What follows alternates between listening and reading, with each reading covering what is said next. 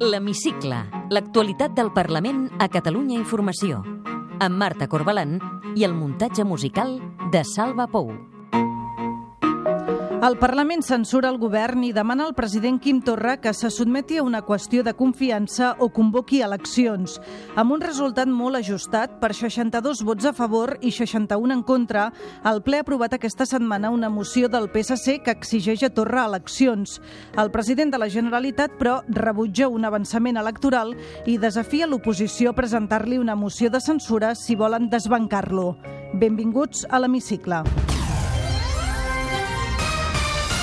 L'Hemicicle, l'actualitat del Parlament a Catalunya Informació.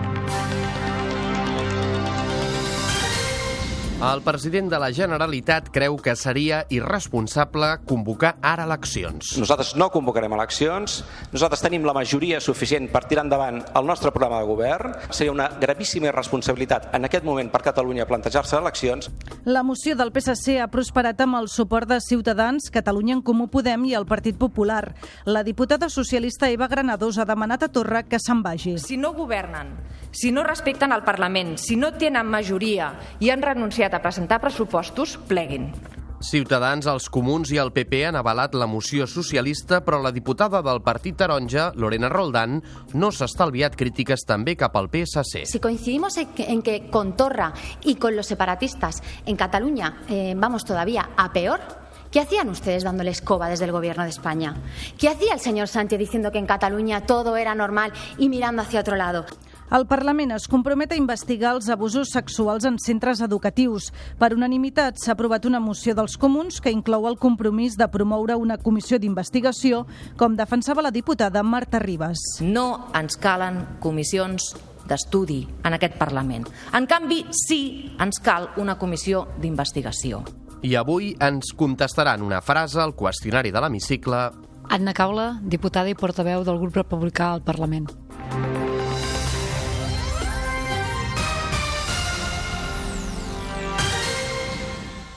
La setmana al Parlament ha estat pràcticament monopolitzada pel debat sobre si el president Torra ha d'avançar les eleccions o no.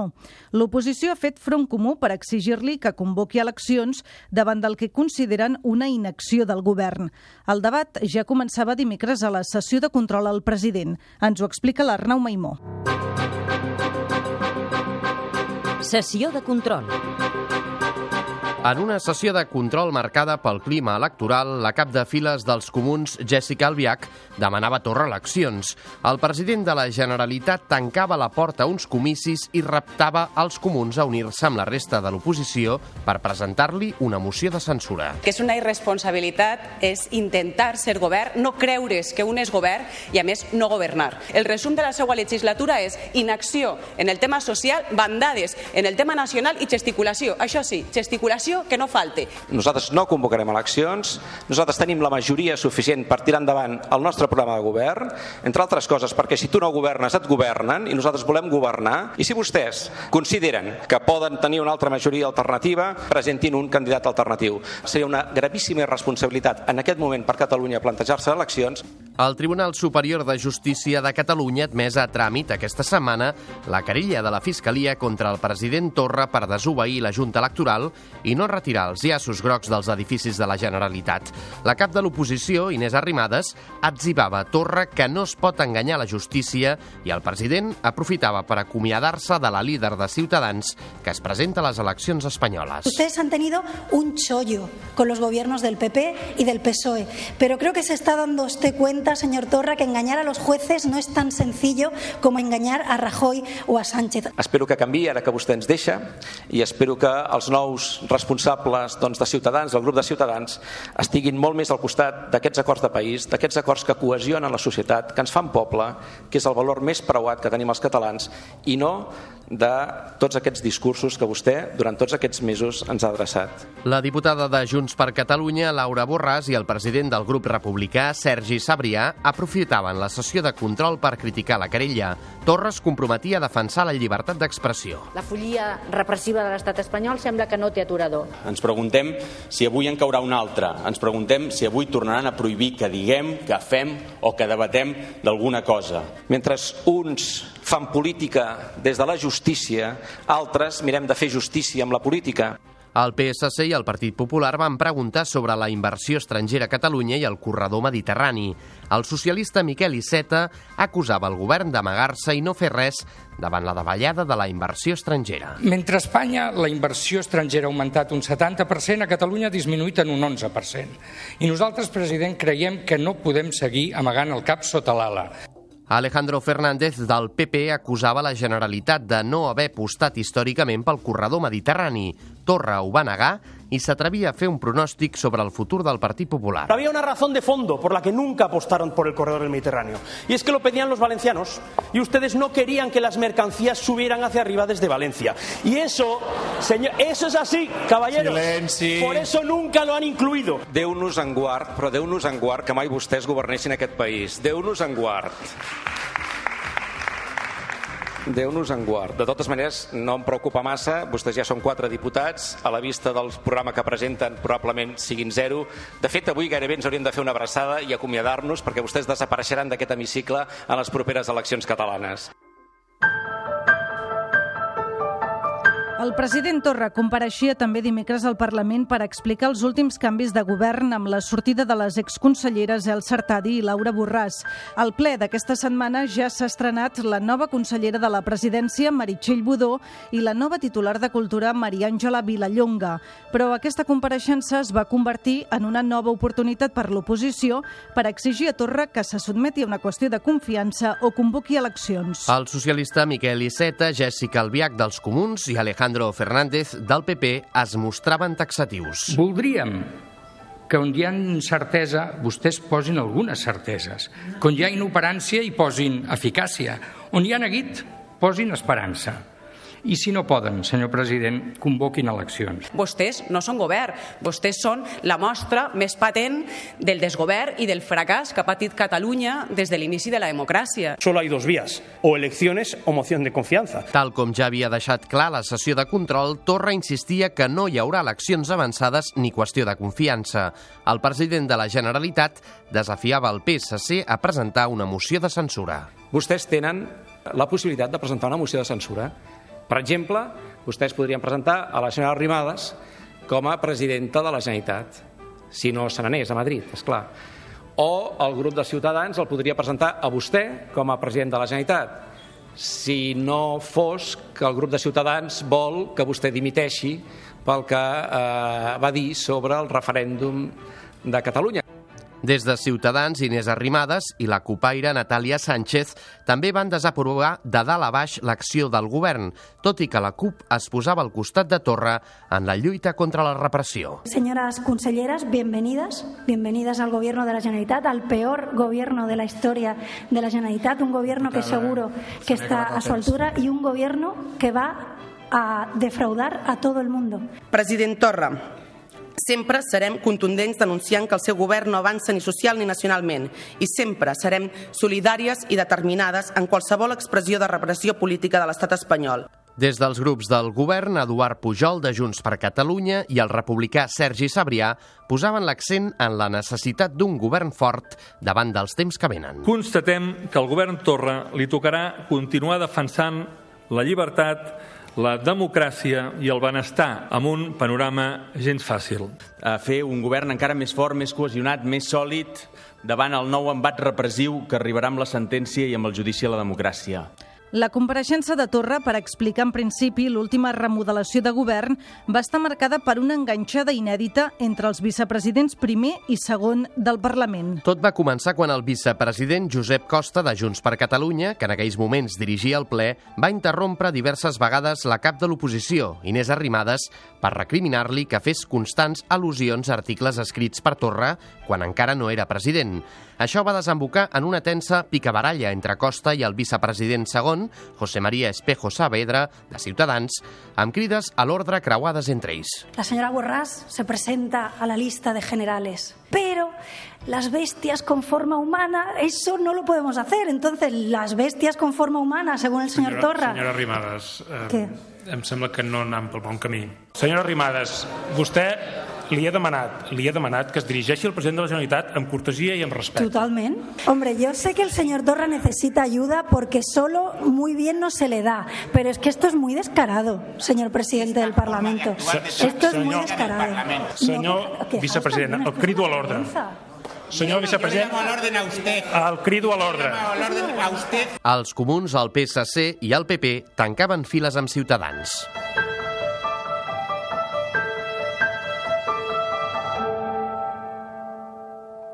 Aquesta moció queda aprovada per 62 vots a favor, 61 en contra, cap abstenció i 4 diputats diputades presents que no han votat.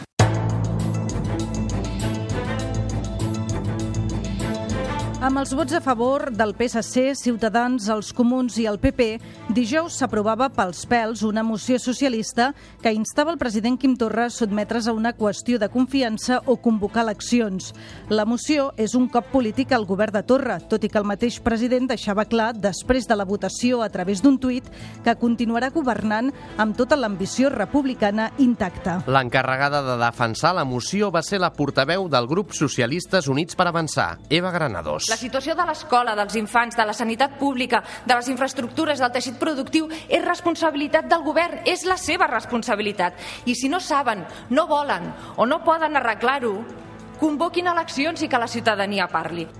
Des de Junts per Catalunya, Josep Costa restava valor a la moció i deixava clar que no hauria tirat endavant si Puigdemont, Sánchez, Turull i Rull haguessin pogut votar i no estiguessin suspesos pel Tribunal Suprem. Nosaltres creiem que políticament aquesta moció ha estat rebutjada, ha estat tombada pel Parlament. Només amb el vot de qualitat del jutge Llarena es pot adulterar el resultat i fer que aquesta moció eh, prosperi. La CUP va decidir no participar en la votació perquè considera que els socialistes catalans no estan en condicions de qüestionar el govern. Ara bé, la diputada cupaire Maria Sirvent no es va estalviar crítiques a Torra. El govern espanyol, en mans del seu partit, segueix aplicant el 155 de forma permanent contra Catalunya. El seu projecte per a aquest país és el de la provisió, el de la presó, el de l'exili i el del xantatge permanent. Però parlem, parlem també del govern de Junts per Catalunya i Esquerra. És evident que no tenen govern. El fet que els quatre diputats de la CUP no participessin en la votació va facilitar que la moció prosperés. La setmana parlamentària també ha estat marcada per diferents decisions judicials. Els serveis jurídics del Parlament han presentat al·legacions davant del Tribunal Constitucional en contra del recurs que va interposar Carles Puigdemont contra la mesa de la cambra. Puigdemont va presentar al gener un recurs contra la mesa i el seu president, Roger Torrent, perquè considera que es van vulnerar els seus drets quan se li va retirar la delegació de vot. En canvi, en les al·legacions presentades es nega que s'hagin vulnerat els seus drets, ja que podria continuar votant si designa un diputat substitut, com van fer Junqueras i Romeva. El portaveu adjunt de Junts per Catalunya, Eduard Pujol, es mostrava crític amb les al·legacions presentades pels serveis jurídics. És evident que no compartim el fons ni la forma i és evident també que els, els nostres juristes hi estan treballant. El Tribunal Constitucional ha sentenciat que el Parlament va vulnerar els drets dels diputats de l'oposició en tramitar la llei del referèndum i la de transitorietat jurídica el 6 i 7 de setembre del 2017. La diputada de Ciutadans, Lorena Roldán, es mostrava satisfeta que el Constitucional els hagi donat la raó. Retorcieron de manera fraudulenta el reglamento para poder saltarse la Constitución, para poder saltarse el Estatuto de Autonomía y para poder vulnerar y pisotear los derechos de millones de catalanes I una altra decisió del Tribunal Constitucional ha declarat per unanimitat inconstitucional i, per tant, nula la reforma de la llei de la presidència que va aprovar el Parlament. Amb aquesta reforma es permetia una investidura a distància del president de la Generalitat i també la possibilitat que les reunions de govern es fessin per via telemàtica. La diputada de Junts per Catalunya, Laura Borràs, criticava la decisió del tribunal. Una vegada més veiem com el Tribunal Constitucional es dedica a modificar la voluntat del, del Parlament de Catalunya. Al Parlament hi han passat altres coses aquesta setmana que repassem en format més breu. La cambra es compromet a investigar els abusos sexuals a menors en centres educatius. Així està recollit en un apartat d'una moció dels comuns que es va aprovar per unanimitat. Aquesta mateixa setmana i en paral·lel, Ciutadans, Junts per Catalunya, Esquerra, el PSC i el PP han registrat de forma conjunta una petició per crear una comissió d'estudi. Els treballadors de l'Institut Català de la Salut cobraran aquest any el 75% del complement de productivitat retallat des del 2012.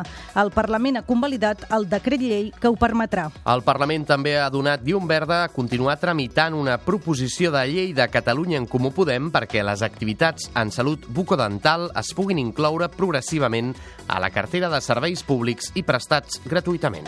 El director de l'Oficina Antifrau de Catalunya, Miguel Ángel Jimeno, ha reclamat l'elaboració d'un pla estratègic de lluita contra la corrupció.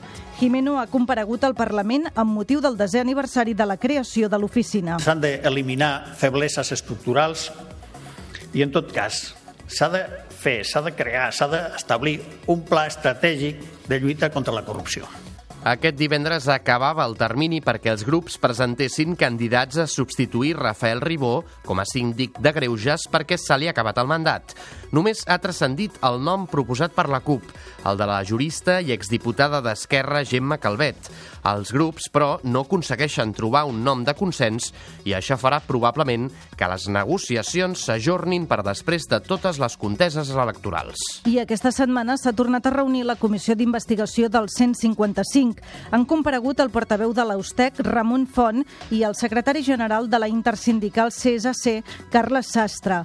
Tots dos coincidien que encara perdura l'ombra del 155. La resposta aquesta de que un terç dels docents s'autocensuren eh, crec que és el pes més fort que ens ha quedat a dins l'escola, no?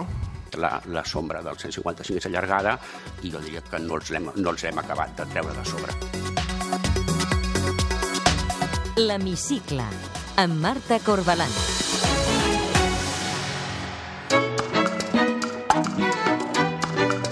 Té la paraula Anna Caula, diputada i portaveu del grup republicà al Parlament. Vostè prové del món de l'esport. Què és el que més trobi a faltar en el món de la política? Probablement el dinamisme, l'immediatesa, no? Quan vens del món de l'esport, normalment tot és més eh, dinàmic. En una entrevista fa pocs dies, el seu company d'hemicicle, Francesc de Dalmases, i, i en les últimes hores també Ponsatí, Comini, Puigdemont, eh, tampoc llançaven la tovallola pel que respecta a una llista unitària dels independentistes a Europa. Jo penso que fa molt de temps que es planteja aquesta opció, que Esquerra Republicana ha sigut eh, molt clara, però tanmateix també des d'aquí eh, som el portaveu del grup parlamentari, per tant és una decisió que ha de valorar el partit, que ha de valorar els estaments a, a qui pertoqui. Com està vostè veient i vivint el judici que es fa al Tribunal Suprem? Jo penso que és un moment complicat, un moment que com a societat ens ha de fer reflexionar. Uh, per mi, personalment, és un moment molt dur. Vam viure els diputats que ja érem diputats la passada legislatura. Jo penso que ens han trontollat uh, aspectes que creiem que mai ens hauríem de replantejar. Uh, ens han obligat uh, a defensar o a tornar a defensar el que pensàvem que ja era inherent, que són els nostres drets civils uh, i polítics. Per tant, jo penso que ha sigut un trasbals molt profund, que probablement encara estem molt al mig de l'huracà i no som capaços de valorar-ho, però que realment hem d'agafar aquest testimoni per entendre que els drets moltes vegades eh, no ens venen regalats i que aquells que pensàvem que ja teníem assolits tornen i te'ls ha de tornar a guanyar. Vostè és de les que pensa que la sentència està escrita? Crec que malauradament eh, sí. Eh, també pel cas de Puigdemont, Vostè creu que si entra l'estat espanyol a recollir l'acte d'eurodiputat en el supòsit que sigui escollit eh, serà detingut? Fins ara jo penso que si una cosa hem après és que penso la reflexió de això no pot passar, això és impossible que passi, fins a aquest límit no seran capaços d'actuar, això no s'atreviran, hem vist que han sigut capaços d'això i molt més. Per tant, penso que en aquesta reflexió hi ha la resposta. Malgrat les últimes paraules del president Quim Torra, vostè creu que pot passar molt més temps sense que es convoquin eleccions a Catalunya? Portem un mandat de 10 mesos. Entenem que per Catalunya també és important una estabilitat, un bon govern, un govern que dongui solucions eh, del dia a dia als ciutadans, sobretot perquè venim d'un il·legal 155, amb el que això comporta de paràlisis a vegades institucional. Per tant, eh, jo penso que hem de separar aquestes dues coses. El país necessita un govern estable i això vol dir que aquest govern té ganes de governar, té ganes de fer la feina ben feta i que ho està fent. Vostè per què ha decidit dedicar-se a la política?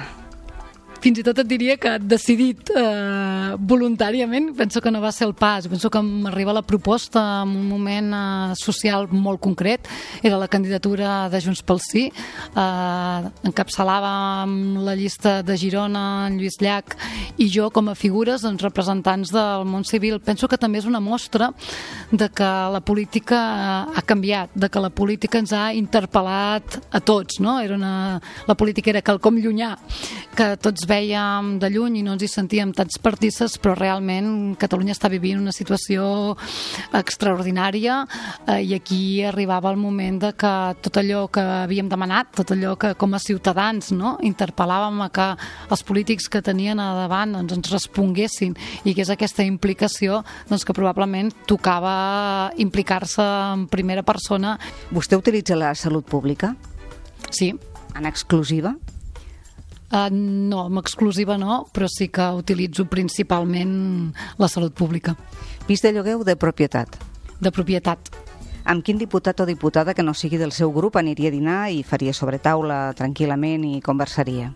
Amb el senyor Nuet, probablement. Quin és el seu pitjor defecte i la seva millor virtut, que vostè reconegui a vostè mateixa? Jo crec que ser tossuda, no? En la part bona i la part dolenta, no? A vegades. Vostè creu en l'atzar o per contra que estem predestinats? L'atzar penso que té una pinzellada i que forma part de la nostra dinàmica, però que probablement el gran calatge és el treball, és la implicació, és el voler eh, treballar per les coses, a la voluntat de cadascú, el que fa cadascú en cada projecte, penso que és la part principal, però no totes les variables estan al teu abast. Vostè és d'anar a dormir tard o de llevar-se aviat quan pot fer-ho? Soc nocturna, soc de la gent que rendeix molt millor les tardes que els matins, de les que és capaç de fer una feina a la tarda en dues hores i al matí potser necessitaria tres. Quin és el seu paisatge preferit?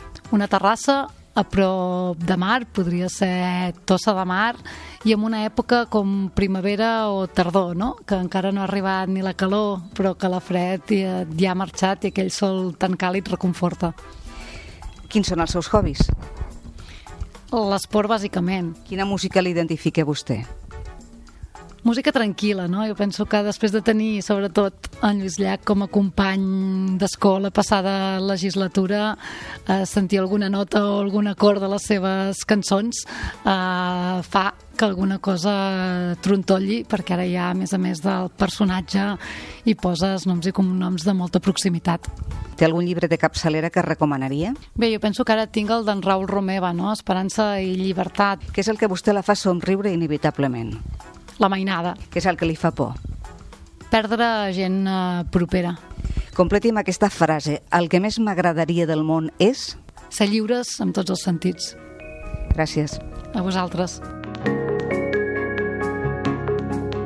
Podeu tornar a escoltar l'Hemicicle al web catradio.cat barra hemicicle o al podcast del programa i seguir l'actualitat del Parlament al perfil de Twitter arroba L-hemicicle.